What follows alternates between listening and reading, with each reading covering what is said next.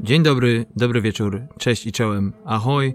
Tutaj siódmy odcinek transkontynentalnego magazynu filmowego w skrócie TMF. Jest dziś 29 dzień czerwca 2017 roku. Z tej strony wyjątkowo mówi do Was Darek, a po drugiej stronie mikrofonu wyjątkowo znajduje się Patryk. Cześć wszystkim. Dzisiejszy odcinek jest siódmym filmem, o którym będziemy mówili, natomiast jedenastym odcinkiem w ogóle, licząc wszystkie półodcinki. Z tej okazji mamy dla Was dwie wiadomości. Pierwsza jest taka, że następny półodcinek ukaże się 6 lipca, czyli dokładnie za tydzień, i oprócz garści newsów i ciekawostek będzie zawierał podsumowanie dotychczasowego pierwszego półrocza 2017 roku, zamiast filmów i seriali, o których z Patrykiem rozmawiamy, które oglądamy i które polecamy bądź też nie. Natomiast po przyszłym półodcinku weźmiemy sobie wakacyjną przerwę i będzie ona trwała do 27 lipca, a to ze względu na to, że raz fajnie mieć wakacje raz na jakiś czas, a dwa, że Patryk, ty podobno gdzieś wybywasz.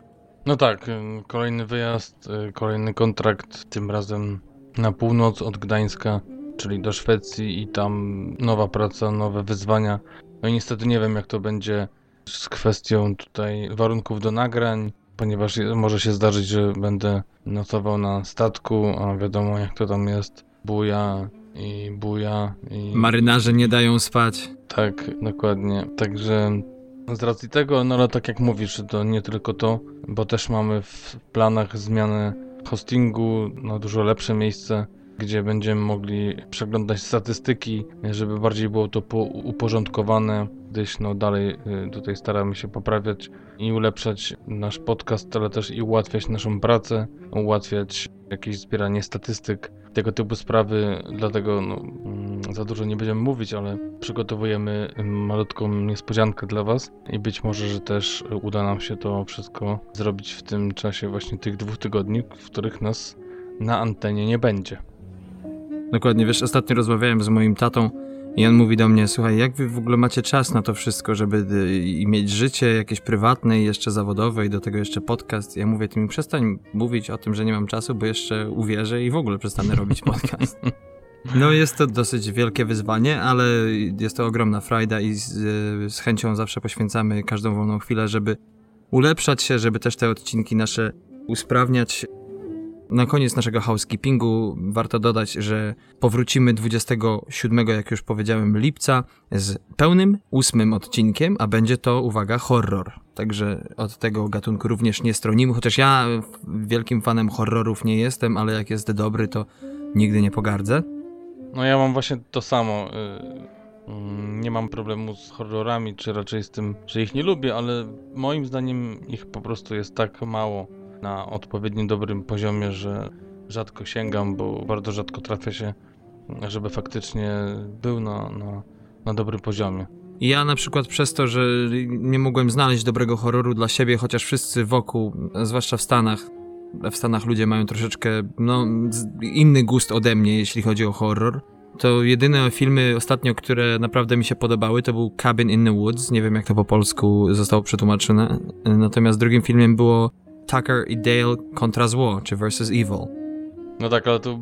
Ale to były parodie. Że, że, no właśnie, że to są takie tak. konwencjonalne, czy takie typowe horrory. Raczej to komedio horrory, których też jest ostatnio wysyp, jak na przykład wysyp żywych trupów. Także robi się chyba z tego, takie jest moje zdanie, patrząc po tym, ile tego wychodzi, robi się z tego taka oddzielna kategoria horrorów, takich właśnie.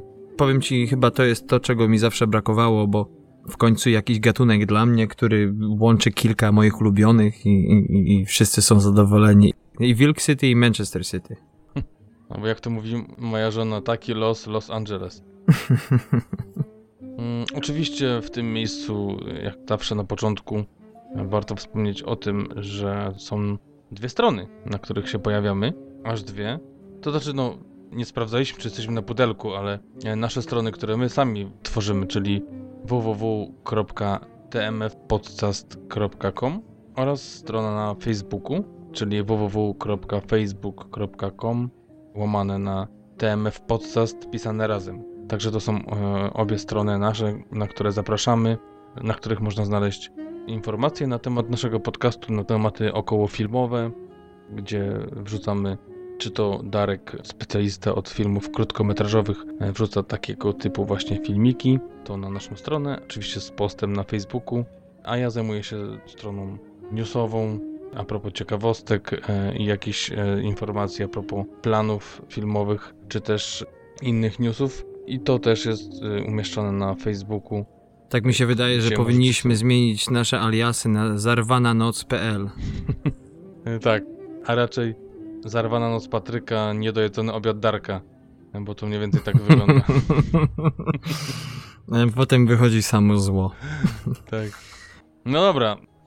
To mamy za sobą, tu odfajkowane. Aha, i gdzie nas słuchać? No to wszystkie aplikacje typu iTunesy, SoundCloud, na którym mamy ostatnie trzy odcinki, bo tam nie jest was za dużo, jeżeli chodzi o słuchaczy, także tak to wygląda. Oczywiście YouTube, który no może nie jest typowym narzędziem do słuchania podcastów, aczkolwiek zauważyliśmy, że tam też wzrasta zainteresowanie tą formą słuchania podcastów. Może akurat nie naszego, ale, ale innych, także tam też jesteśmy. Mm, oraz wszystkie e, aplikacje podcastowe na Androida typu Podcast Addict czy Podcast Go i tak dalej i tym podobne. Także to jest to.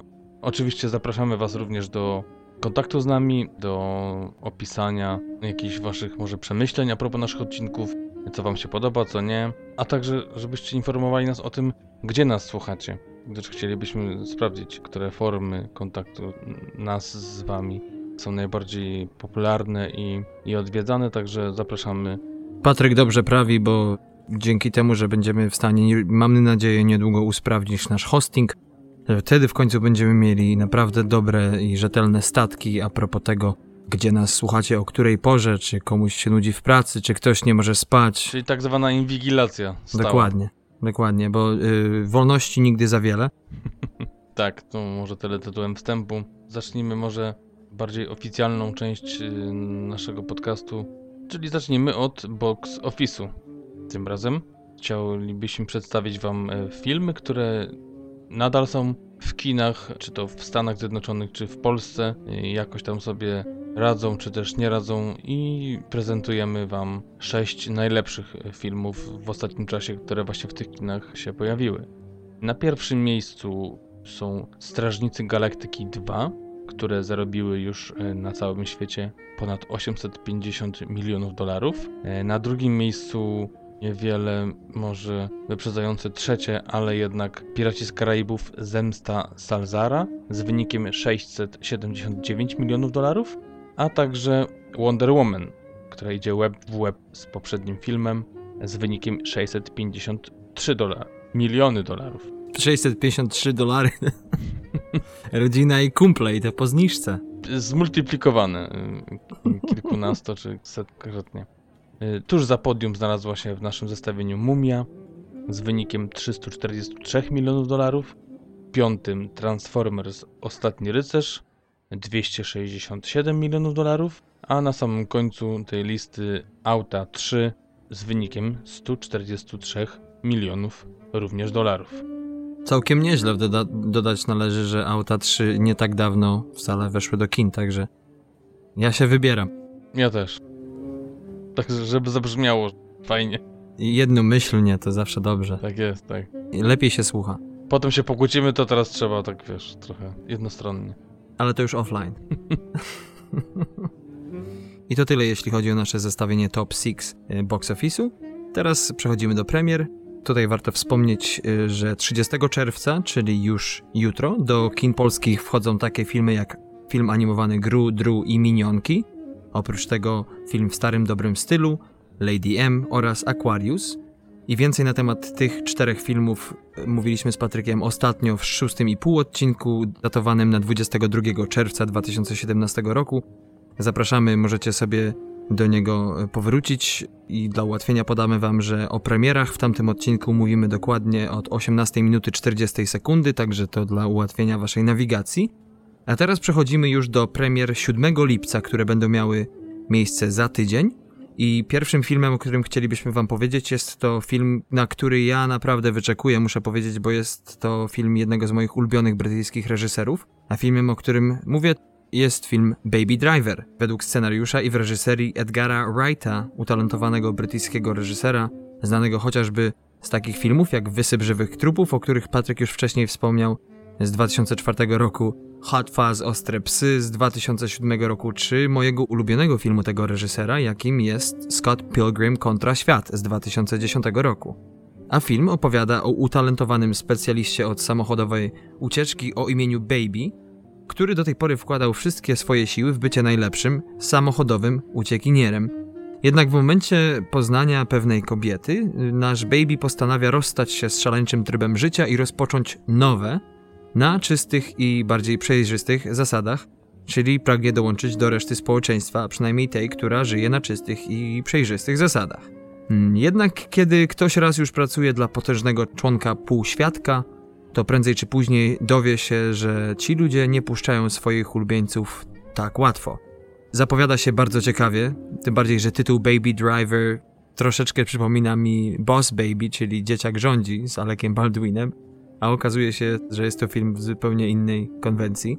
W rolach głównych w tym filmie występują jako tytułowy baby Ansel Elgort, e, znany z takich filmów jak Niezgoda, po angielsku Divergent, Zbuntowana, w angielskim tłumaczeniu Insurgent, czy też z filmu Gwiazd naszych wina e, sprzed trzech lat z 2014 roku. W roli Doka, byłego szefa uciekiniera, wcieli się sam Kevin Spacey, a oprócz tego w filmie tym zobaczymy także Jamie'ego Foxa i Johna Hema, Premiera kinowa filmu miała miejsce dokładnie wczoraj w Stanach Zjednoczonych, więc na razie nie mamy jeszcze jakichś bardzo precyzyjnych wyników, jeśli chodzi o box office. Ale po pierwszych recenzjach można stwierdzić, że film ten ma ogromną szansę stać się przebojem tego lata, czego ja mu szczerze życzę. Ten kręcony głównie w Atlancie, w stanie Georgia film.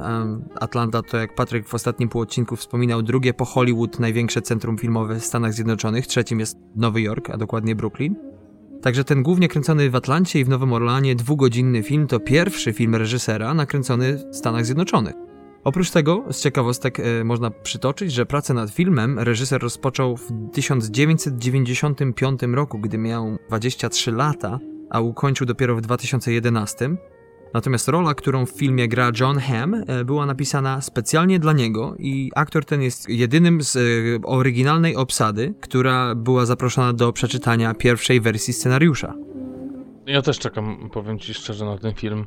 Właśnie z racji tej obsady. No, reżyser, jak reżyser, też widziałem te filmy, o których mówiłeś. Jedne mnie zachwyciły, jedne y, może mniej. Aczkolwiek, no, Kevin Spacey, Jamie Foxx czy John Hamm mm, to naprawdę najwyższa półka, także jak to wszystko się razem zmiesza w takiej, e, zakładam, mocno komediowej, wybuchowej e, pigułce, to, to naprawdę jestem ciekawy tego. Ja jak sobie myślę o tym filmie, to to, co mnie najbardziej rajcuje, jeśli chodzi o tą premierę, to przede wszystkim styl tego reżysera, bo jak sobie przypomnę Wściekłe Psy, czy Noc Żywych Trupów, e, czy też Scott Pilgrim, to on sobie świetnie radzi z filmami akcji, czy też właśnie z właśnie z ciekawym przedstawianiem akcji, czy też przechodzeniem, czy przeskakiwaniem w czasie w filmie, także to jest chyba taki największy magnes dla mnie. I chyba takie mocno zabarwienie, mocno zabarwienie komediowe tutaj mm, chyba się najbardziej uwidacznia w tych jego filmach. No i ciekawe, jak ten brytyjski jego styl humoru przełoży się na te amerykańskie gwiazdy. No powiem ci, że z takich ciekawostek, jak się dowiedziałem, to na przykład Jamie Foxx bardzo często obserwował wszystkie sceny kręcone na planie z Kevinem Spacey. Również oglądał te sceny, które były kręcone z Kevinem Spacey, kiedy Kevina Spacey'ego tam nie było, także był tak zapalony.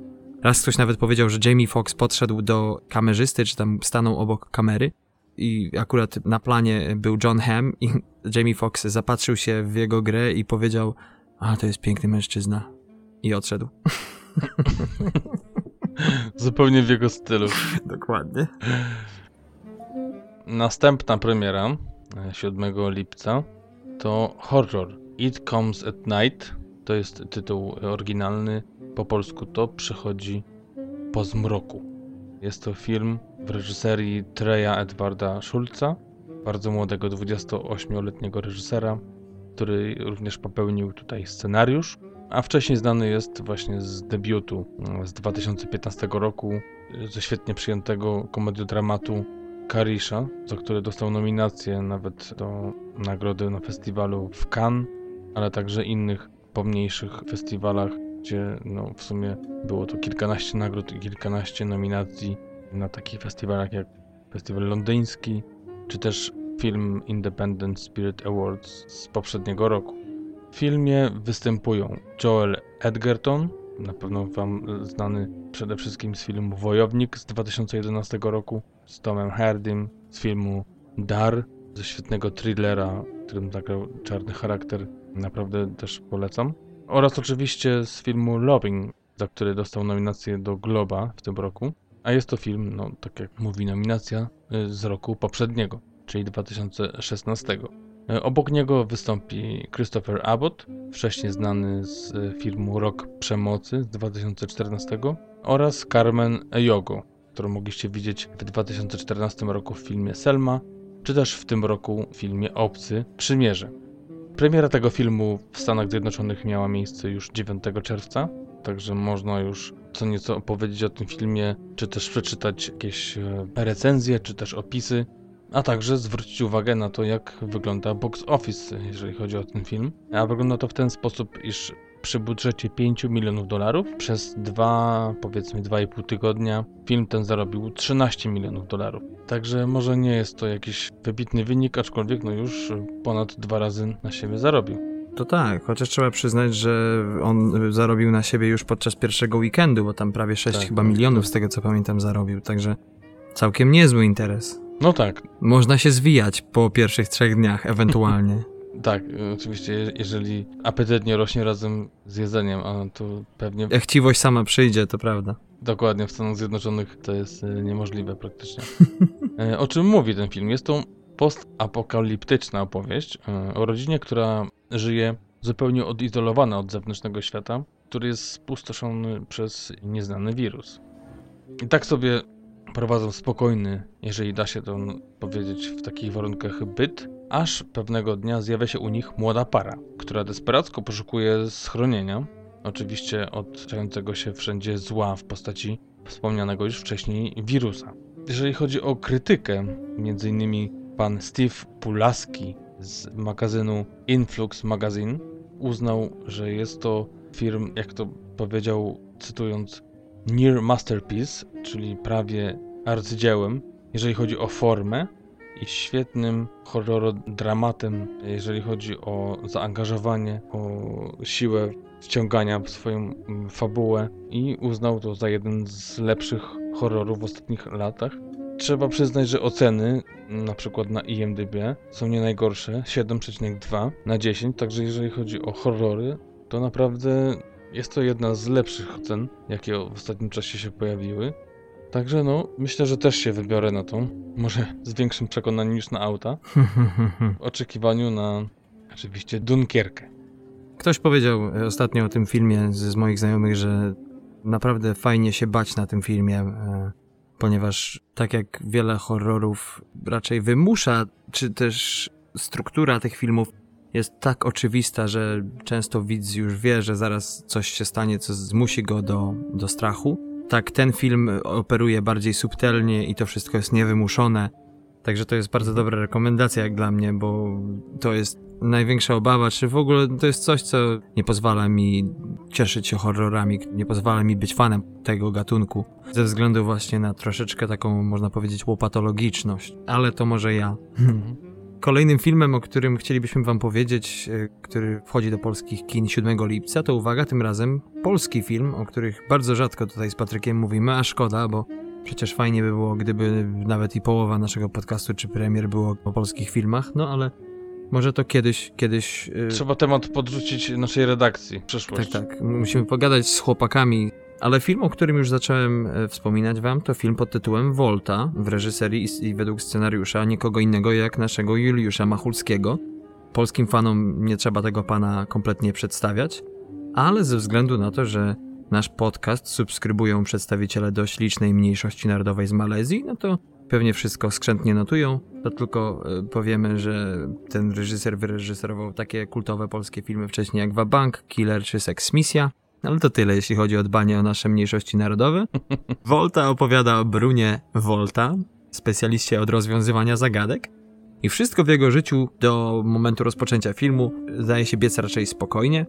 relatywnie rzecz biorąc, aż tu pewnego dnia jego partnerka zawiązuje przypadkową przyjaźń z inną młodą dziewczyną o imieniu Vicky, która, o czym wnet dowiaduje się nasz zagadkowy specjalista Bruno, weszła w posiadanie pewnego drogocennego klejnotu. A takiej okazji nie przepuści przecież nikt, tym bardziej nasz Bruno. Okazuje się jednak, iż nawet z pomocą cwaniakowego przyjaciela Dychy zadanie przejęcie skarbu nie będzie wcale takie łatwe, bo Wiki to nie żaden świeżak, ale wręcz przeciwnie, godny przeciwnik dla Bruna i jego cwaniakowatego pomocnika. Uroczysta premiera filmu odbyła się 9 dni temu w Warszawie, natomiast film został wyprodukowany przez Studio Zebra. Za zdjęcie do filmu odpowiada Arkadiusz Tomiak, który wcześniej zrealizował takie filmy jak Obława z 2012 roku czy Karbala z 2015.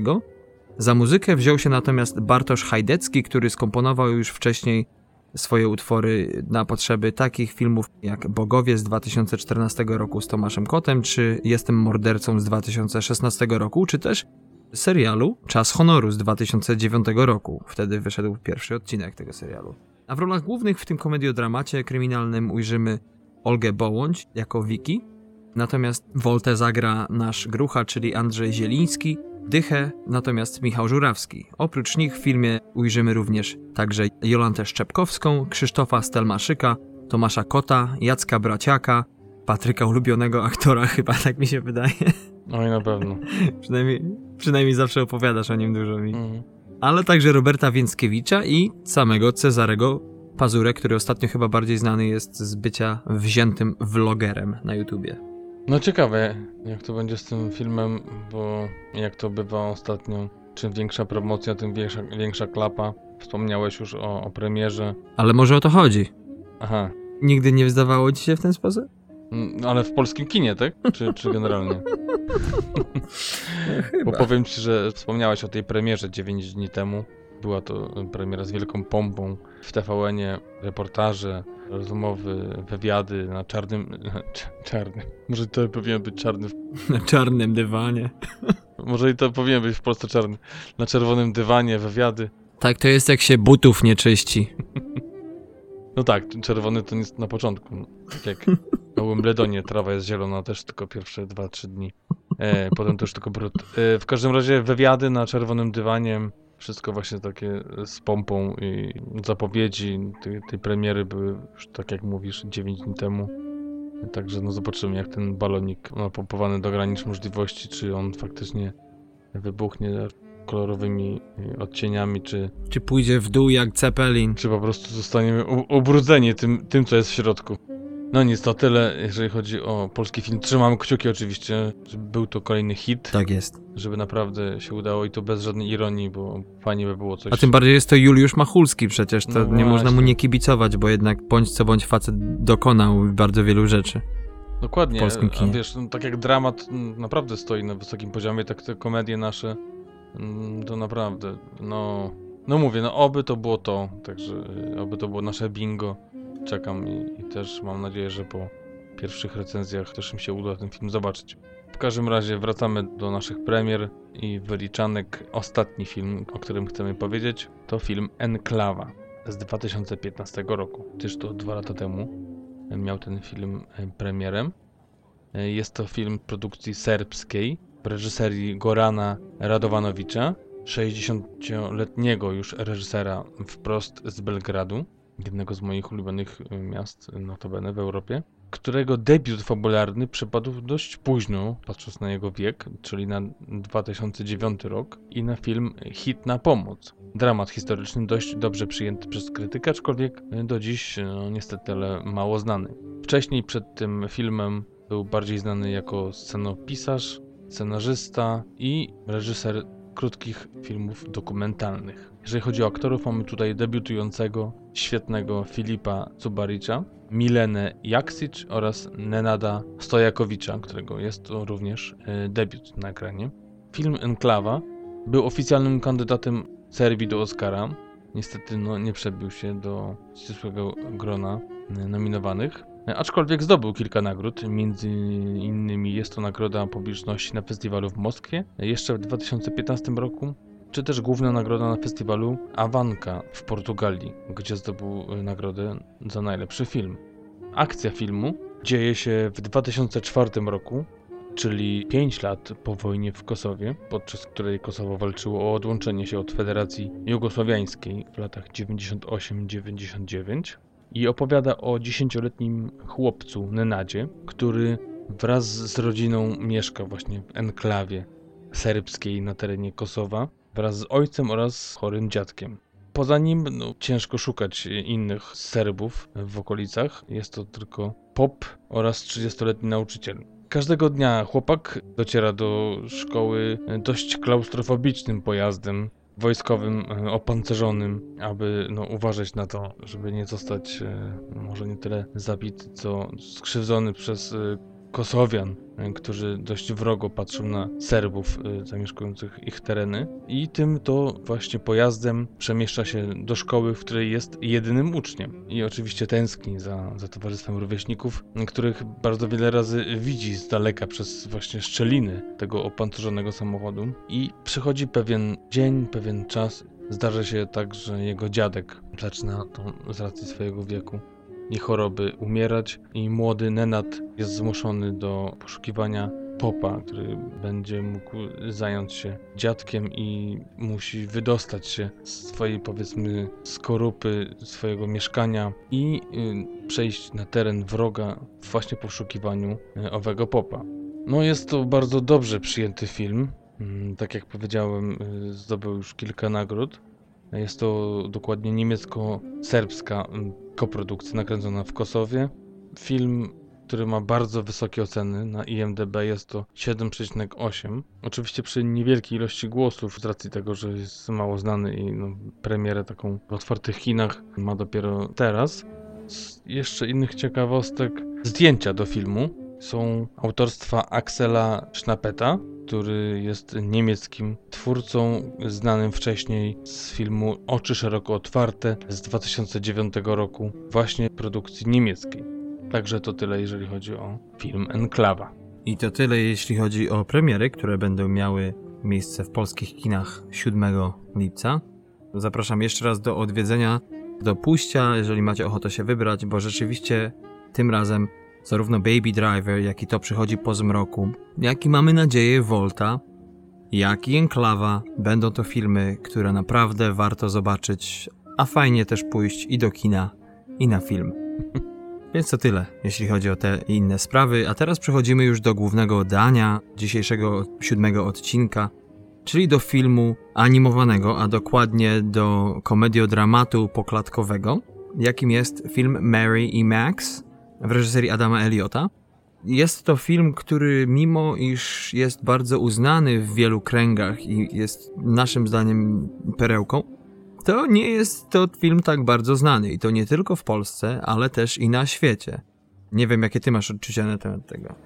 Przede wszystkim opinie, opiniami widać to po tym przy rozmowach z, z, z różnymi ludźmi, czy też ze znajomymi, czy, czy gdzieś na, na różnych forach, że jednak ludzie nie kojarzą tego filmu, co również myślę związane jest mocno z tym, iż y, no, film z jakichś nie wiadomo jakich przyczyn naprawdę y, oceny ma świetne. Na IMDb to jest 8,2, jest w top 250 i ogólnie jest, y, jeżeli już ktoś go zna, to naprawdę go e, ceni. A film ani nie dostał nominacji do Złotego Globa, ani do Oscara, jeżeli chodzi o film animowany. Także no, zagadka naprawdę, enigma. Animowana, an, animowana enigma. Ale to też trzeba przyznać a propos Oscarów, że miałby problemy z potencjalnym zwycięstwem w kategorii najlepszy film animowany, no bo przecież on sam wszedł do kin 15 bodajże stycznia 2009 roku, więc gdyby był pokazany powiedzmy wcześniej, żeby być branym pod uwagę przy Oscarach w 2009 roku, no to przecież tam Oscara dostał film Wall-E, Tak, tak. E, to tutaj nawet chyba nie ma dyskusji. Tak, to, no, to faktycznie to jest. To nawet, na, ja nawet tego, tak jak mówisz, wcale tego nie rozdzielam na animację, tylko, No tak. tylko jako jeden z w ogóle najlepszych filmów, jakie kiedykolwiek widziałem. Ale to wiesz, mówimy o nominacjach samych, już nie mówimy o tym, że. Oczywiście, oczywiście, film- ale też tak no. sobie przypomniałem, że chociaż na przykład no, obaj uważamy, że jest to bardzo dobry film, to jednak w szrankach oscarowych ja uważam osobiście, że ten film jest filmem oscarowym, ale natomiast to nie jest takie łatwe, bo przecież tak jak już wspomnieliśmy, Wally był w 2009, a rok później, no co, Toy Story 3, przez wielu uważana za najlepszą część, oraz Jak wytresować smoka. No tak, ale też przede wszystkim fantastyczny pan Lis, Mhm. Wes Andersona, czy też Odlot, który no, zgarnął Tak, tak, tak. i Oscara i, i wszystko, co tam się w tym roku dało. Także, no, no ale mówię, no, oprócz tych dwóch filmów, które właśnie wymieniłem, myślę, że spokojnie o te trzecie miejsce, no dla mnie to w ogóle nie ma porównania, powinien wygrać, ale w piątce to, to, to było mus, żeby się znalazł. Mhm. Czy to w globach, chociażby w globach, ale w Oscarach też. Ja się bardzo zastanawiam, dlaczego ten kompletnie. film nie był tak przez krytykę dostrzeżony, bo przecież niby dobre oceny, niby się fajnie wszyscy wypowiadają, a jakoś nie. Ja zastanawiam się, czy to przez to, że, no nie wiem, to jest nietypowy film, bo przecież zarówno y, dotyka bardzo poważnych tematów, jak choroba Aspergera, czy też powiedzmy motyw samobójstwa, co zre- zresztą jeszcze potem o tym y, powiemy. Yy, No ale to rzeczywiście są to prawdziwe problemy. Humor bardzo często jest dość odważny, porusza bardzo kontrowersyjne tematy. Film, można powiedzieć, w lekko, no nie wiem, perwersyjny, niedojrzały sposób zajmuje się dorosłymi sprawami, takimi jak miłością, przyjaźnią, przebaczeniem, no oraz przede wszystkim zdrowiem umysłowym, także i chorobą. Wiesz co, no mi się i- wydaje, że to jest yy, właśnie kwestia tego, tak jak mówisz, no ja na to nie zwróciłem uwagi, ale większość ludzi yy, mówi o tym, że, że bardzo ważne jest, kiedy, kiedy film ma premierę i to może to właśnie Mhm. determinowało brak wyboru czy nominacji. Aczkolwiek to nie jest tak, że, że film nie dostał żadnej nagrody, bo przecież yy, Kryształowy Niedźwiedź Mhm. na festiwalu w Berlinie, na Berlinare, e, Grand Prix na festiwalu filmów animowanych w Ottawie, czy też nagroda za scenariusz filmu fabularnego, ogólnie, nie, właśnie nie, nie samych bajek, tylko czy animacji, ale ogólnie filmów fabularnych od e, gildii reżyserów australijskich, bo też warto wspomnieć, że jest e, film australijski, australijskiego e, reżysera oraz producentów. Co ciekawe, jest to pierwsza animacja mająca premierę podczas festiwalu, a dokładnie Sundance. I do tego ta Tak. animacja ten festiwal otworzyła. To jest w ogóle duże wyróżnienie. Mhm. My w Polsce też nie wiemy o tym zazwyczaj, ale film ten miał polską premierę. Dokładnie 3 sierpnia 2009 na festiwalu filmu i sztuki Dwa Brzegi w Kazimierzu Dolnym Janowcu. Tak, ale, ale oficjalna taka premiera kinowa to był, z tego co ja się doczytałem, dopiero 15 października 2010 roku. Tak, zresztą ten film trzeba powiedzieć, że ciężko się dowiedzieć y, jakichkolwiek statystyk a propos box office, bo tyle co wiemy to to, że budżet wyniósł 8 milionów dolarów australijskich, natomiast box office półtora prawie miliona australijskich dolarów. Natomiast w Stanach Zjednoczonych nie było tego filmu w kinach. Doczytałem się, że gdzieś jakieś y, limitowane bardzo seanse były, Tak, natomiast tak. głównie były to festiwale, no i potem wyszedł na DVD, a w Polsce jak ktoś jest czujny, to mógł ten film widzieć kilka razy na kodowanych kanałach, typu Kanal Plus, film i tak dalej. W Stanach wyszło to na tak zwanym video on demand, tak? czyli wideo na, na żądanie i tu była Na główna wodzie. dystrybucja w ten na wodzie. to była główna dystrybucja w Stanach Zjednoczonych. No, no szkoda, że się nie poznano na tym filmie i nie uznano, że faktycznie choćby z punktu widzenia komercji będzie można na nim po prostu zarobić. No. Oczywiście, tym bardziej, że przecież ten film powstawał przez 5 lat, także to jest no, ogromny wysiłek. Ale my tak pitu-pitu o tym filmie i o tych kontrowersjach, natomiast w ogóle nie powiedzieliśmy jeszcze o czym jest ten film, to więc może pokrótce przybliżę jego fabułę. Akcja dzieje się w latach 70., a dokładnie w 1976 roku, w małym australijskim miasteczku. Jest to opowieść o bardzo niezwykłej i jeszcze bardziej niecodziennej przyjaźni po piórze między Mary, ośmioletnią dziewczynką żyjącą na przedmieściach australijskiego Melbourne, a Maxem, 44-letnim nowojorczykiem chorym na otyłość oraz zespół Aspergera. A historia cała rozgrywa się na przestrzeni 20 lat. Z tego co reżyser w wielu wywiadach powiedział, film ten powstał w oparciu o prawdziwą 20-letnią przyjaźń listową między samym reżyserem a człowiekiem w średnim wieku ze Staten Island, jednej z dzielnicy Nowego Jorku. I po latach reżyser dowiedział się, że ta osoba, z którą pisał przez tyle lat, rzeczywiście cierpiała właśnie na Aspergera. Tak, był to też, e, jeżeli chodzi o podobne cechy głównego bohatera, czy tam jednego z głównych bohaterów i, i z tą prawdziwą osobą, to też był Żyd też był ateistą i do dziś panowie ze sobą piszą, aczkolwiek no, nigdy reżyser, czyli Adam Elliot, nie, nie spotkał wspomnianego już penfrienda, człowieka, z którym właśnie ma przyjaźń opartą tylko na i wyłącznie na napisaniu listów. Jedyne co, tak jak mówił w wywiadzie, to wie jak wyglądam mniej więcej z takiego malutkiego e, zdjęcia, które mu kiedyś wysłał, po którym może powiedzieć, że no, prawdopodobnie jest to duży mężczyzna, mm, ale nic, nic więcej o nim nie wie. Y, Ja mogę powiedzieć, że z pewnością jest to duży mężczyzna, znając dietę Amerykanów. Tak, zdecydowanie jest tak jak mówisz, aczkolwiek panowie nie zdecydowali się na przejście na Facebooka, tudzież e, innego typu medium, które mogliby się kontaktować i pisać ze sobą i pozostali wierni właśnie listom i tym oczekiwaniu ty- kilkutygodniowym na, na, na informacje od przyjaciela. No to jest ciekawe, bo to się wpisuje w ogóle w to, kim jest ten reżyser, o czym zresztą jeszcze powiemy, ale tutaj y, wspomnieliśmy o tym, że nasz Max tytułowy cierpi na zespół Aspergera. Y, Dla tych, którzy ewentualnie nie, spotkali się z taką nazwą lub też zbytnio o tym nie wiedzą, możemy podać, że Asperger według definicji jest to całościowe zaburzenie nastroju. Znajduje się to w spektrum autyzmu, polega na upośledzeniu umiejętności społecznych, na trudnościach w akceptowaniu zmian, na ograniczonej elastyczności myślenia przy braku upośledzenia umysłowego oraz szczególnie pochłaniające obsesyjne zainteresowania. I to chyba najlepiej opisuje jednego z naszych głównych bohaterów, czyli Maxa. Jeśli chodzi o samego reżysera, to jest to człowiek, który był wychowany w gospodarstwie morskim, zajmującym się połowem krewetek. Miał dwóch braci, jedną siostrę, dwie papugi. Studiował fotografię, jak i malarstwo. I to naprawdę widać, moim zdaniem, w jego filmie. Oraz również to, to jest ciekawe, jest y, chory na hereditary physiological tremor. Najlepiej to można przetłumaczyć i najprościej jako drgawki, co widać w stylistyce jego pracy, bo tak jak powiedziałeś, że on nie przeszedł nigdy na Facebooka, bo lubi pisać.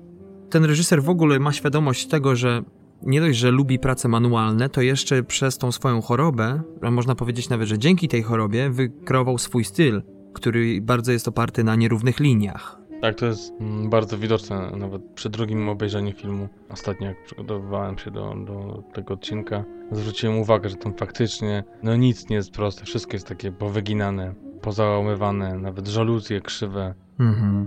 gdzieś tam w mieszkaniu, także no tak, to, to jest mocno widać tak naprawdę w każdym elemencie tej plastelinowej układanki. Co jest bardzo ciekawe, bo niby to jest jego styl, ale tak jak ja oglądałem po raz kolejny ten film, to zaczęło mi się zdawać, że rzeczywiście ta obskurność w tym całym designie Mhm. bardziej jakby charakteryzuje ten świat, który on przedstawia. Zarówno Mary i Max nie pochodzą na przykład z domów, gdzie się powodzi. Mhm. Też myślę, warto jeszcze wrócić trochę do tych ym, głównych postaci, gdyż y, nie wiem, tu chyba o tym nie mówiłeś, że po stronie australijskiej jest to Mary, która ma y, 8 lat i mieszka, tak jak mówiłeś, w małej miejscowości na obrzeżach Melbourne, a Max y, ma 44 lata i mieszka w Nowym Jorku i ich spotkanie, czy też kontakt rozpoczął się dość przypadkowo, gdyż Mary, dowiadując się, że dzieci powstają e, na dnie piwa, decyduje się wysłać list do przypadkowej osoby ze Stanów Zjednoczonych, czy jakiejś przypadkowej z książki telefoniczno-adresowej, takim zapytaniem, czy tak samo jest w Stanach Zjednoczonych e, jak u niej. I tak to właśnie trafiło, że, że Mary Daisy Dinkle napisała list do Maxa Jerego Horowitza. Tak to potem trwało przez 20 lat. Kiedyś ktoś powiedział, co wyczytałem, że Mary i Max są jak Madonna i Guy Ritchie. Nie są sobie przeznaczeni w żadnym konwencjonalnym znaczeniu, ponieważ za dużo ich dzieli, ale to, co ich łączy, jest czymś bardzo wyjątkowym. A tym czymś jest samotność i ciekawość. Tak, Em, tak, tak, słyszałem to. Gdzieś, e, jak mówiłeś, e, film powstawał przez 5 lat. Wszystko zaczęło się od, od Oscara, który dostał Adam Elliot za krótki metraż w 2009 roku, tak? mhm, tak, tak. Za film Harry Crumpet, W który 2004 notabene- roku. E, Przepraszam, tak, w 2004, który notabene mówi, opowiada o historii Polaka. Również poklatkowa animacja prezentująca jego dzieje od, od maleńkości do, do, do starości. Otrzymała Oscara rok później i od tego roku rozpoczął się maraton Tak, tak. powstawania scenariusza, a potem zbierania środków na ten film, aż do powstania. Ekipa, która tworzyła ten film, to była grupa około 50 osób, jak to mówi e, reżyser, bardzo ze sobą zżyta. Spotykali się co tydzień w piątek po pracy na piwie, w jakimś pubie. Sam wspomina, że, że no dużo alkoholu wypito w trakcie tej produkcji. Australijczycy. Australijczycy, E, ale również e, mówi o tym, że to też ciekawe, że, że takie plotki sieje sam reżyser.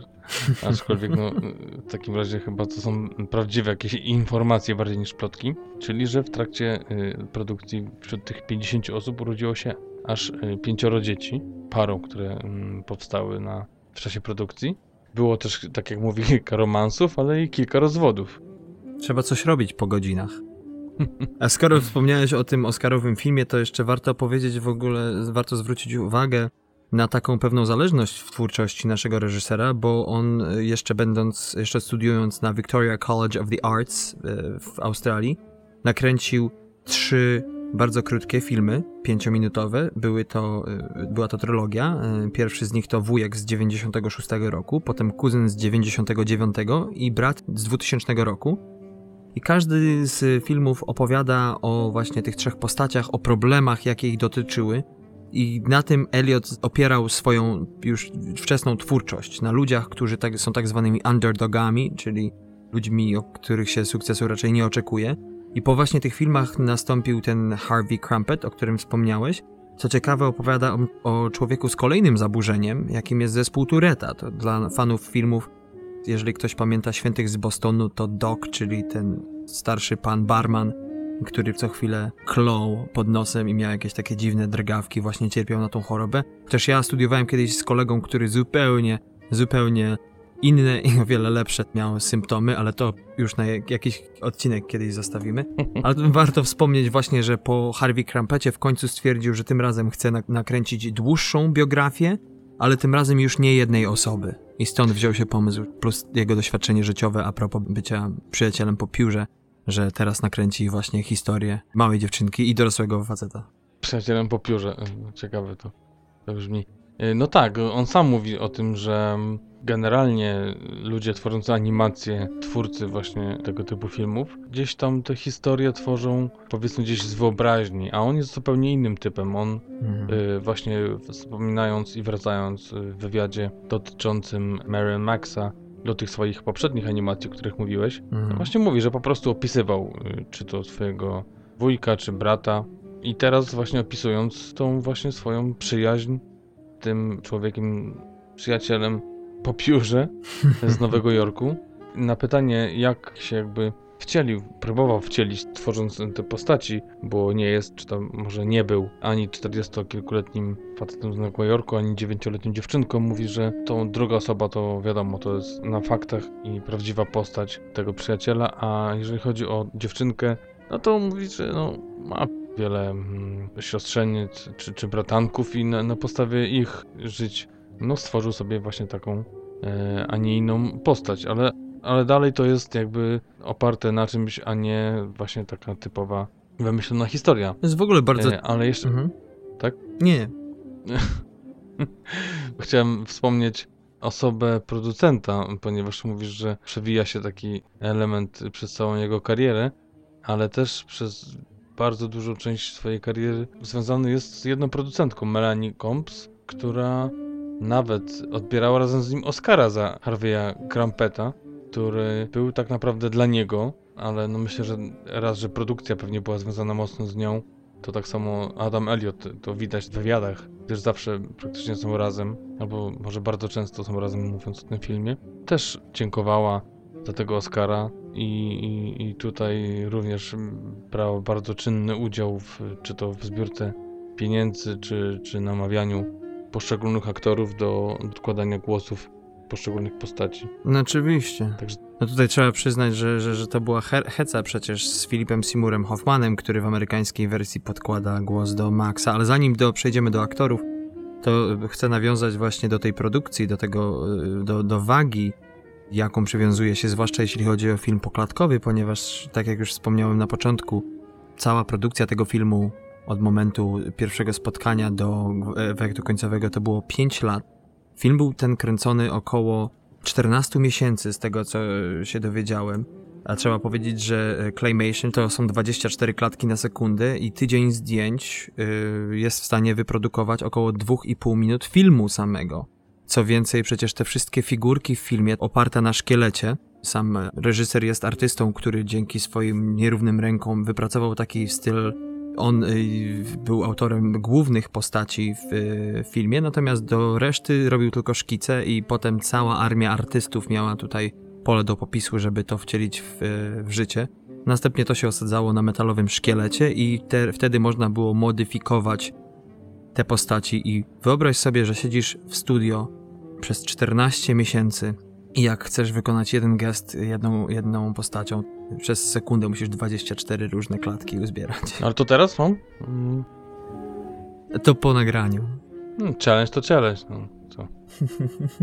W każdym razie, no ty mówisz 14 miesięcy w innych źródłach wyczytałem e, i też może czasami usłyszałem, że to było 19.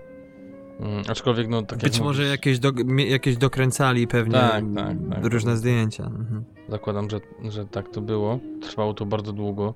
Jak policzono, ile zajęłoby to tylko jemu, jeżeli sam miałby to robić y, sekunda po sekundzie, to wyszło im, że robiłby to przez 225 lat. A tak to było to pięciu animatorów, którzy, tak jak mówiłeś, robili po 5 sekund filmów dziennie, no i dlatego to trwało tyle, ile trwało. Ale no, jeszcze raz podkreślam, że efekt końcowy jest no, porażający. Tak, do tego trzeba dodać, że y, nasz reżyser jest fanem analogowych efektów specjalnych, więc wszystkie rzeczy, które widać, czy to deszcz, czy to co innego, y, tutaj nie ma w ogóle komputera, komputer został użyty Tak. tylko i wyłącznie do montowania. Natomiast nawet woda jest to specjalny żel, który formowano, żeby oddawał y, czy to tafle wody, czy oddziaływanie na nią.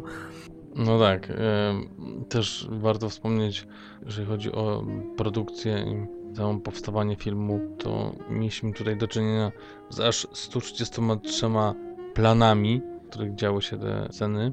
Powstało 212 figurek, także no dość sporo tej roboty było. Tak.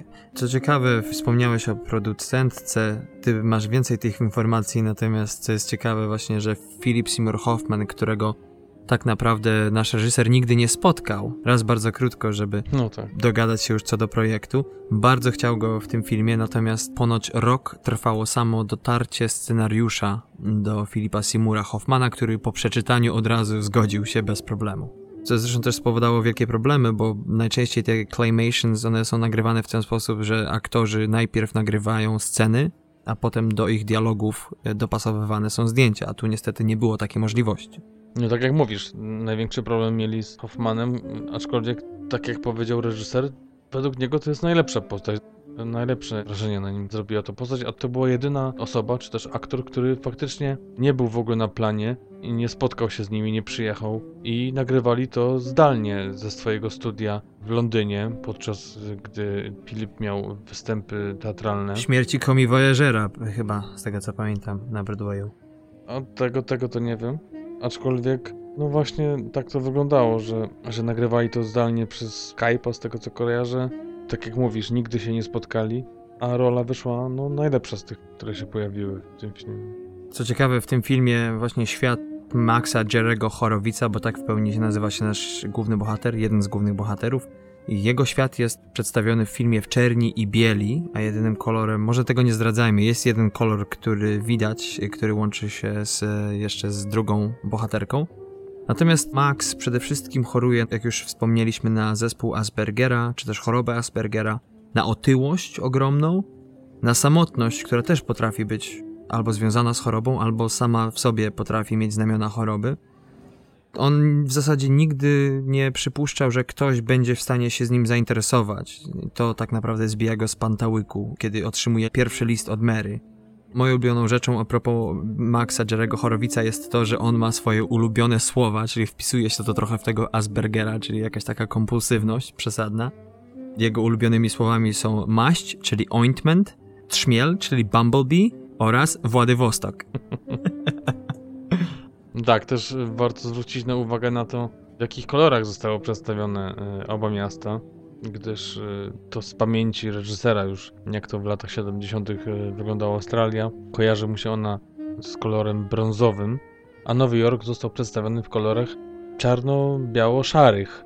Tak to wygląda, tak one są przedstawione. No i oczywiście wraz z tym, jak rozwija się znajomość, przesyłki czy listy przechodzą z jednego miejsca na drugie, to dane światy gdzieś tam zostają obdarzone kolorami z tego drugiego. Mhm. Aczkolwiek no tak to, tak to jest ułożone i tak to wyglądało z perspektywy reżysera, który do, dodaje też, że nie jest to na pewno bajka typu Shrek czy Gdzie jest Nemo i raczej mówi o tym właśnie, że to jest film dla dorosłych, aczkolwiek, o czym wspomniała producentka, o której mówiłem wcześniej, w wywiadzie jednym, zaraz po premierze w Sundance mieli wybrać się do, na festiwal do Berlina, gdzie tam już zakategoryzowano ten film po prostu jako bajkę dla dzieci powyżej 14 roku życia. Także sami nie wiedzą, co tak naprawdę przemawia za tym, że w jednym festiwalu jest tak, a w drugim tak kategoryzowany ten film. Aczkolwiek, no, sami mówią, że nie jest to tak naprawdę dla dorosłych, dla dzieci. Oczywiście, tym bardziej, że przecież tematy poruszane w tym filmie to na przykład prokreacja, Bóg, Tak. oczywiście też czekolada, czy seriale, czy zwierzaki domowe, ale też, tak jak już wcześniej wspomniałem, przecież alkoholizm. Warto wspomnieć o Mary Daisy Dinkle, do której głos y, w dorosłej już wersji Mary podkłada aktorka Toni Collette, znana chociażby z filmu Mała Miss. Y, No i świat tej dziewczynki jest w odróżnieniu od Maxa w sepi.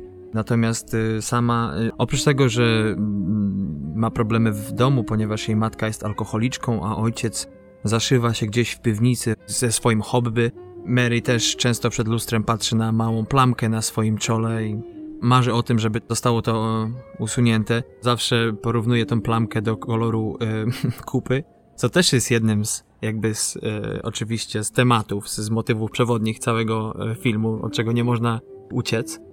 I y, to tak naprawdę powoduje te problemy y, z samoakceptacją oraz to wszystkie właśnie konwersacje, które dzieją się między młodą, małą dziewczynką i później już dorastającą dzie- dziewczyną, a starszym, otyłym człowiekiem, powoduje, że rzeczywiście jest to bardziej dla dorosłych niż dla dzieci. No tak, reżyser sam mówi, że to jest tylko łatwiejszy sposób. Animacja poklatkowa w dużo bardziej plastyczny sposób pozwala mu właśnie przekazać te treści, takie właśnie zwykłe, dorosłe, fabularne, które powinny trafić bardziej do dorosłego widza niż, niż do widza młodszego. I to jest ułatwienie, a nie, nie jakby uciekanie do sposobów bajkowych, tak? No tym bardziej, że często przecież jest tak, że to właśnie my dorośli mamy zawsze problemy z ludźmi, którzy chorują na różne rzeczy. Często słyszę reakcję czyjąś na na przykład kogoś, kto ma jakiś zespół, czy to Aspergera, czy Tureta, że ten to by się wziął w garść, albo a to dziwak. Dzieci nie mają bardzo często e, aż takich e, problemów z akceptacją. Natomiast sam reżyser mówi przecież, że jego celem nadrzędnym jest edukacja, która jednocześnie jest daleka od prawienia jakichkolwiek kazań. To zarówno jeśli chodzi o posiadanie zespołu Aspergera, czy też bycie outsiderem. To jest w ogóle człowiek, który nigdy się nie stawia, e, nigdy nie myśli o sobie w ten sposób, że jest reżyserem. Bardziej mówi, że jest to jest aranżerem jakiegoś programu w cyrku, że jego bohaterzy są outsiderami, ponieważ z takimi ludźmi on miał styczność jako młody człowiek i takim ludziom najbardziej pomagał czy kibicował. E, Zresztą też mówi, że te wszystkie sceny, które tworzy, one bardzo, bardzo często to te postacie dają mu inspirację do tego, jak długo będzie ta scena trwała, aniżeli on ma jakąś tam ideę jedną, której się twardo trzyma.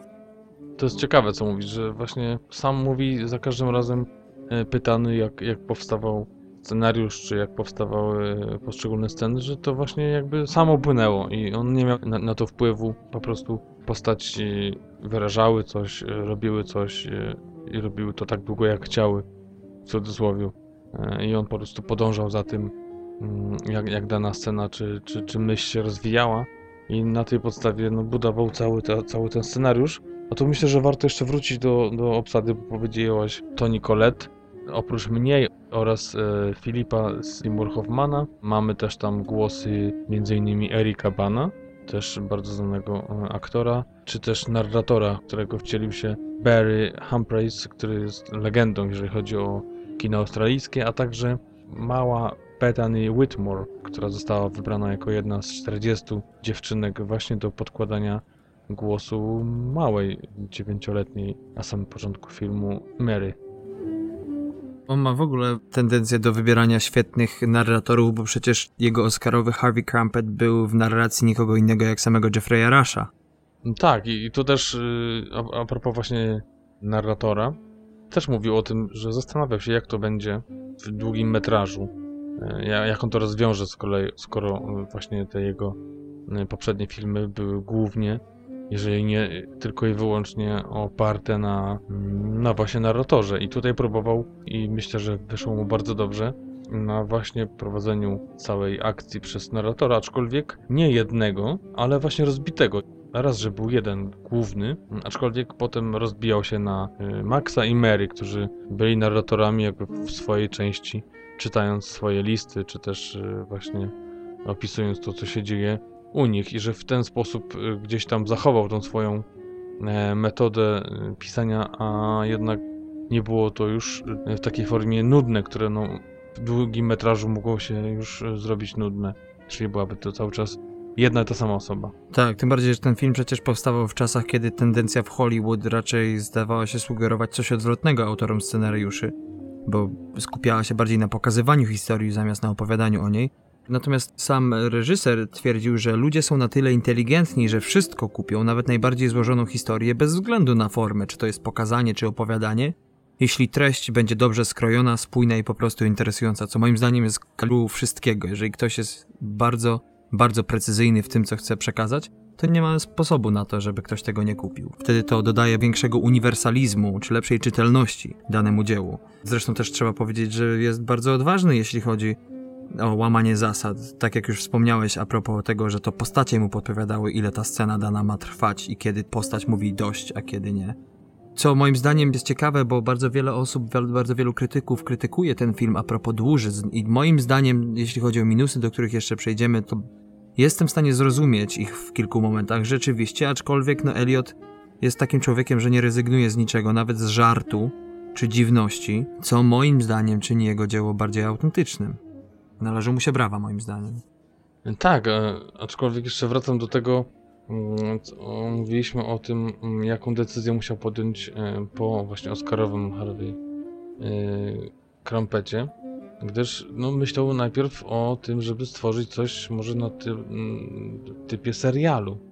E, Aczkolwiek no, zewsząd e, dochodziły go głosy, że to jest teraz twój moment, e, twoja chwila, jeżeli nie teraz, to nigdy.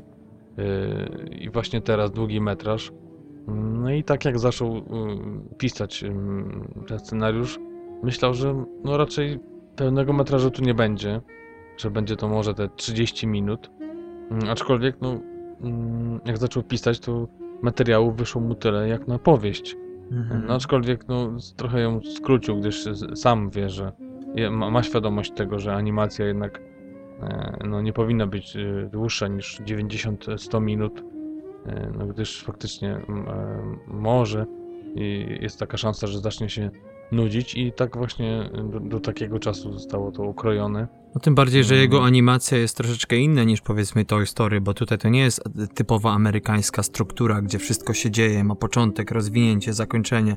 Tu jednak ta narracja wprawia cię może nie w trans, ale powoduje, że wybijany jest pewien rytm, który podświadomie jakby działa na widza. To jest jedna z tych głównych, odważnych rzeczy, którą Elliot popełnił w tym filmie. Nie bał się.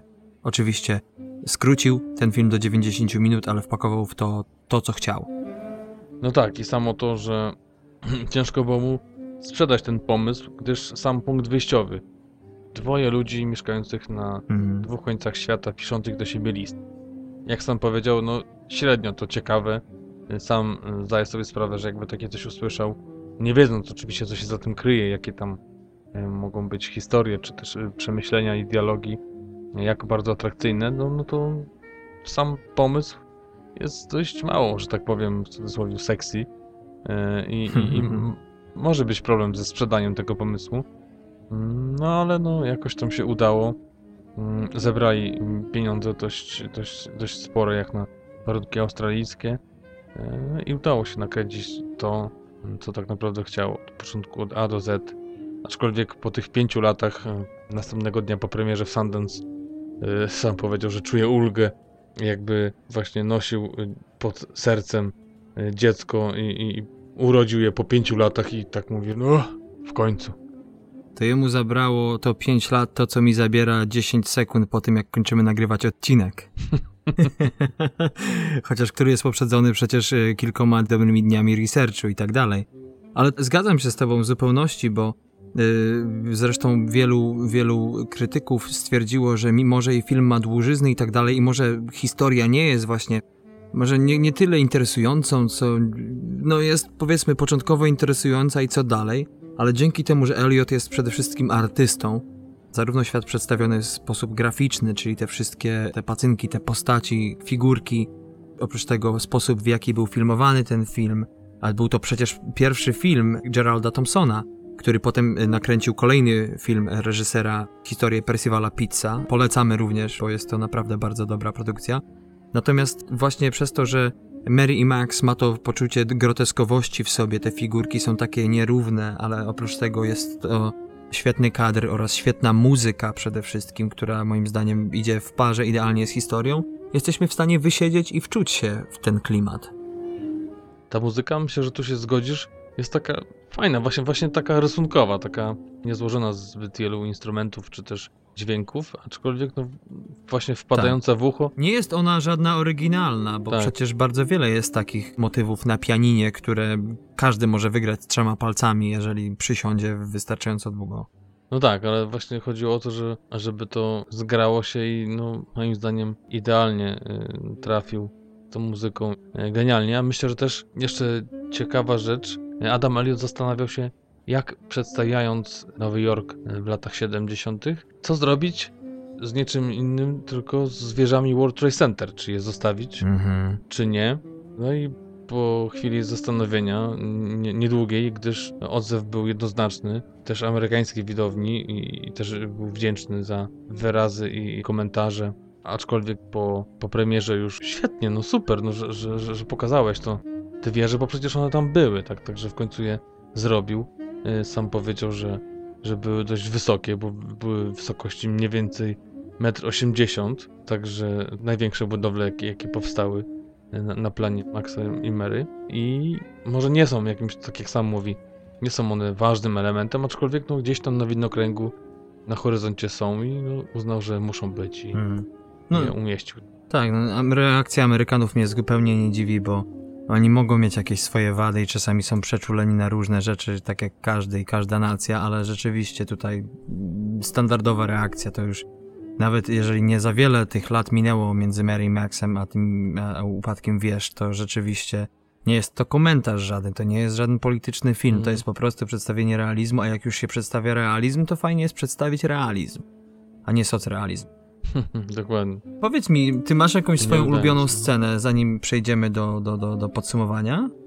Mm, To jest chyba mm, ten sam początek, czyli te, te pierwsze Mhm. listy, e, w których Mary pyta Maxa o to właśnie między innymi jak powstają dzieci, a Max jej e, odpisuje.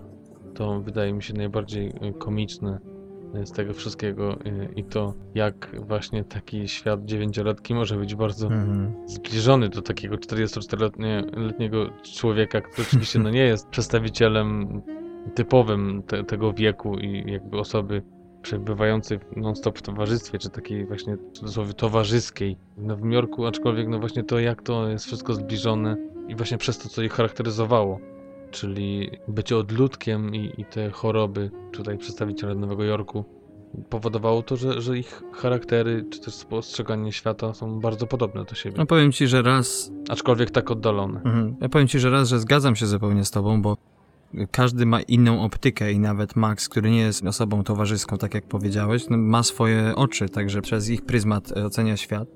A dwa, e, mieszkając na Brooklynie, a mieszkam w dosyć e, no, biednej dzielnicy mimo wszystko, gdzie głównie zamieszkuje biedota oraz aktorzy, to naprawdę dużo widać w Nowym Jorku. Im większe miasto, więcej widać różnych schorzeń, różnych trybów istnienia, ja to tak nazywam. Więc tym bardziej Max i jego jakieś takie mądrości ten sposób postrzegania świata jest świetnie, idealnie odwzorowany, bo sam bardzo często spotykam ludzi, którzy starają się coś do mnie zagadać albo o czymś mówią i no można zakwalifikować by ich na jakiś stopień jakieś tam choroby, powiedzmy, czy schorzenia, natomiast ich świat dla nich ma zupełnie sens. Mhm. Jest to próba samobójcza, ale dla niezdradzania tutaj niczego większego, na tym tylko y, zakończę. Y, natomiast co mnie ujęło w tej scenie to to, że jest ona do podkładu piosenki Kesera Sera, y, Doris Day w oryginalnym wykonaniu, natomiast tutaj piosenka śpiewana jest przez Pink Martini, i najbardziej dla mnie, na mnie zrobiła wrażenie ten kontrast między tym, co się y, ma zaraz stać, a sposobem wykonania tej piosenki. To moim zdaniem, to za każdym razem jak oglądam ten film, to przechodzą ciary. No fakt. A powiedz mi, jeśli chodzi o plusy tego filmu, to co jest dla ciebie najważniejsze, oprócz już tego, co, co, o czym wcześniej wspomnieliśmy? Jakbyś mógł podsumować? Myślę, że przede wszystkim to, że ten film mm, może być taką terapią dla ludzi przez to, że przedstawia takie dwie osoby z różnymi ułomnościami, które oczywiście każdy z nas jakieś tam ma, ale tu powiedzmy może są takie bardziej uwypuklone i, i przedstawiające te osoby może nie w dość takim pozytywnym tonie, aczkolwiek jednak nie jest to negatywna rzecz. Oprócz tego, że te opisy są tak dobitne i jednoznaczne tych postaci, to wprowadza to dużo optymizmu w to podejście tych ludzi w to, że mają gdzieś tam swój świat, że potrafią się nawzajem odnaleźć i połączone osoby ze sobą otrzymują jakiś sens życia, czy sens, y, sens przeżywania tego wszystkiego i opowiadania o tym, co naprawdę wypełnia ich no, dość puste do tego czasu życie. I moim zdaniem film ma bardzo wartości terapeutycznych. Y, uważam, że nawet psychologowie powinni gdzieś tam przemycać te filmy i polecać je swoim pacjentom. I właśnie jako rzecz, która może napawać naprawdę dużym optymizmem i potrafi naprawdę poruszyć człowieka, poruszyć nuty, które nie są za często odwiedzane przez nasz mózg na co dzień. Nie, nie, nie, nie zajmujemy się takimi sprawami, a tutaj potrafimy zatrzymać się przy tym filmie właśnie przy tych wadach, przy tych zaletach, przy tych uczuciach i, i na nowo je poczuć, może coś odkryć nowego w sobie i no wyjść może to górnolotnie zabrzmi, ale trochę odmienionym po projekcji tego filmu. Z mojej strony to dodam tylko dwie rzeczy do tego, co już o tym wcześniej w filmie powiedzieliśmy, co brzmi kompletnie jak plusy, jak zalety tego filmu. Te dwie rzeczy to to, że design tych postaci i to, jak one są skrojone, świetnie oddają to, jak one są poprowadzone, ponieważ e, wszystkie te figurki zaprojektowane drżącą ręką reżysera są pełne wad, ale są prawdziwe. Dokładnie. Oprócz tego dla geeków ten film ma mnóstwo ciekawostek, inside joke'ów, odniesień do literatury, innych filmów reżysera i tak dalej, i tak dalej. Do wyglądu aktorów nawet, którzy podkładają głosy, ale dla mnie to, co się dzieje, ta prowadzona akcja, Przypomina mi y, jedną z piosenek grupy polskiej Lao Che, która w piosence na końcu języka mówi Odgadł zagadkę bytu ten, co gębą tak rusza, że gęba się porusza, a wyraża się dusza. O. I moim zdaniem to właśnie jest moją ulubioną rzeczą tego filmu, że te postaci, zarówno Mary jak i Max, mówią dokładnie to, co myślą. Zawsze, na każdym kroku. Nigdy nie kłamią. No tak. A minusy masz jakieś? Ja już wspomniałem o tych dłużyznach, bo rzeczywiście jest hmm. kilka momentów, jak już drugi i trzeci raz oglądam ten film. Za pierwszym razem tego nie miałem, muszę się tu przyznać. To rzeczywiście rozumiem, o co chodzi krytykom, że są niektóre momenty, gdzie przyciąłbym scenę, gdzie tego już troszeczkę jest za dużo, gdzie czuję, że chciałbym coś zmienić. Ale nie, nie jest ich za dużo. No właśnie, myślę, że, że tu mógłbym się z tobą zgodzić, że pojawiają się takie momenty, aczkolwiek dla mnie to jest właśnie w tym minusie jest nie tyle może plus, co jest y, metoda na przytrzymanie tego widza przy danym uczuciu, przy danej emocji, nie takim tylko właśnie rozrzuceniem smutek, żal, nienawiść, ból. Aczkolwiek właśnie to jest to, że, że może być to w niektórych momentach odbierane za ujmę dla tego filmu, czy coś, co mogło być niedopracowane. No chociaż to, co już powiedzieliśmy wcześniej, jakby moim zdaniem broni reżysera, że on nie tworzył tego filmu dla poklasku, nie skracał nic tylko dlatego, tak. że trzeba było patrzeć na zegarek, a przede wszystkim chciał ukazać to, co postać mu podpowiedziała. A czy to się z tym zgadzamy, czy nie, to już jest zupełnie inna kwestia. Z artystą kłócić się nie należy. Każdy to powinien dobrze wiedzieć. Masz coś jeszcze do dodania a propos tego filmu? Tak, mam dużą nadzieję, że, że jednak nie wiem jak tam te poprzednie filmy, czy was zachęciliśmy, czy nie, to, to bardzo chciałbym, żeby jak najwięcej ludzi ten film widziało, coś wzięło z niego dla siebie i żeby poszło w świat i naprawdę, żeby wam się spodobało. Tak jak mówię, jest tak mało znany, że to się we łbie nie mieści i to po prostu trzeba zmienić i, i jakby no po to jest ten podcast. Tutaj dobitnie pokazujemy tym odcinkiem, że po to TMF został stworzony, żeby takie rzeczy gdzieś wykupywać e, i pokazywać na światło dzienne. Tym bardziej, że my zawsze wszystko robimy na serio. Przyłączam się do słów Patryka. Film Mary Max w reżyserii Adama Eliota z 2009 roku to naszym wspólnym zdaniem jeden z najbardziej niedocenionych filmów, jakie potrafimy sobie wyobrazić. E, Film przekazujący ogromną prawdę, oprócz tego film bardzo zjawiskowy, zarówno jeśli chodzi o styl, mm, jak i humor. Także mamy nadzieję, że to Was zachęciło do obejrzenia tego filmu. Jeżeli obejrzycie, podzielcie się z nami, napiszcie do nas albo na stronie facebookowej, albo na stronie www.tmfpodcast.com. Chcielibyśmy wiedzieć, y, czy Wam się ten film podobał, czy zgadzacie się z, z, nami, czy też nie. Ale najważniejsze jest to, żeby to przeżyć, żeby mieć ten film w swoim zanadrzu. Kropka. Kropka. I jeszcze raz dziękujemy Wam, kochani, za to, że nas słuchacie, że nas e, subskrybujecie i streamujecie, bo warto. E, I to nas motywuje do jeszcze lepszej, wytężonej pracy. Tym bardziej, że wszystkiego uczymy się od podstaw, to zawsze powtarzamy. Także dziękujemy za kredyt zaufania tym, którzy z nami są od pierwszego odcinka. E, A także zachęcamy nowych słuchaczy do tego, żeby z nami pozostali, bo nie wiadomo, co przyszłość przyniesie. Tak, o, oby to było coraz lepsze, mm, coraz bardziej wartościowe i żeby się wam się, żeby się wam się po prostu podobało się, Basie. Bo ile można. Bo ile można tak się zapętlać. Oczywiście zapraszamy Was na kolejny odcinek, tak jak na poprzednie, do powrotu i odświeżenia sobie, aczkolwiek może niektórzy z Was nie słyszeli jeszcze poprzednich odcinków, to zapraszamy na kolejny, siódmy i pół odcinek, którego premiera będzie już e, 6 lipca. I nie zapominajcie, że stety, niestety, ale robimy przerwę z różnych względów, tak jak wcześniej powiedzieliśmy, mojej pracy, ale także gdzieś jakichś takich naszych tutaj zabiegów to nie jest tak, że pełni idziemy na wakacje od podcastu. Oprócz tego właśnie, że będziemy chcieli ulepszać i, i naszą stronę i podejście do tematu hostingu, to tak jak mówiłem wcześniej, prawdopodobnie coś nam się uda nagrać w tym czasie. Nie, a może teraz coś zdradzę. Jakiś wywiad z kimś, co może was zainteresować swoją opinią. To tyle. Aczkolwiek no, będzie to dwa tygodnie od 6 lipca do 27 lipca. Jeszcze raz siódmy i pół odcinek to będzie, przypominam, podsumowanie półrocza, zarówno w kinach polskich, jak i amerykańskich, a 27 lipca powrócimy z horrorem. Dokładnie. Także jeszcze raz dziękujemy Wam za spędzenie z nami czasu. Mamy nadzieję, że warto.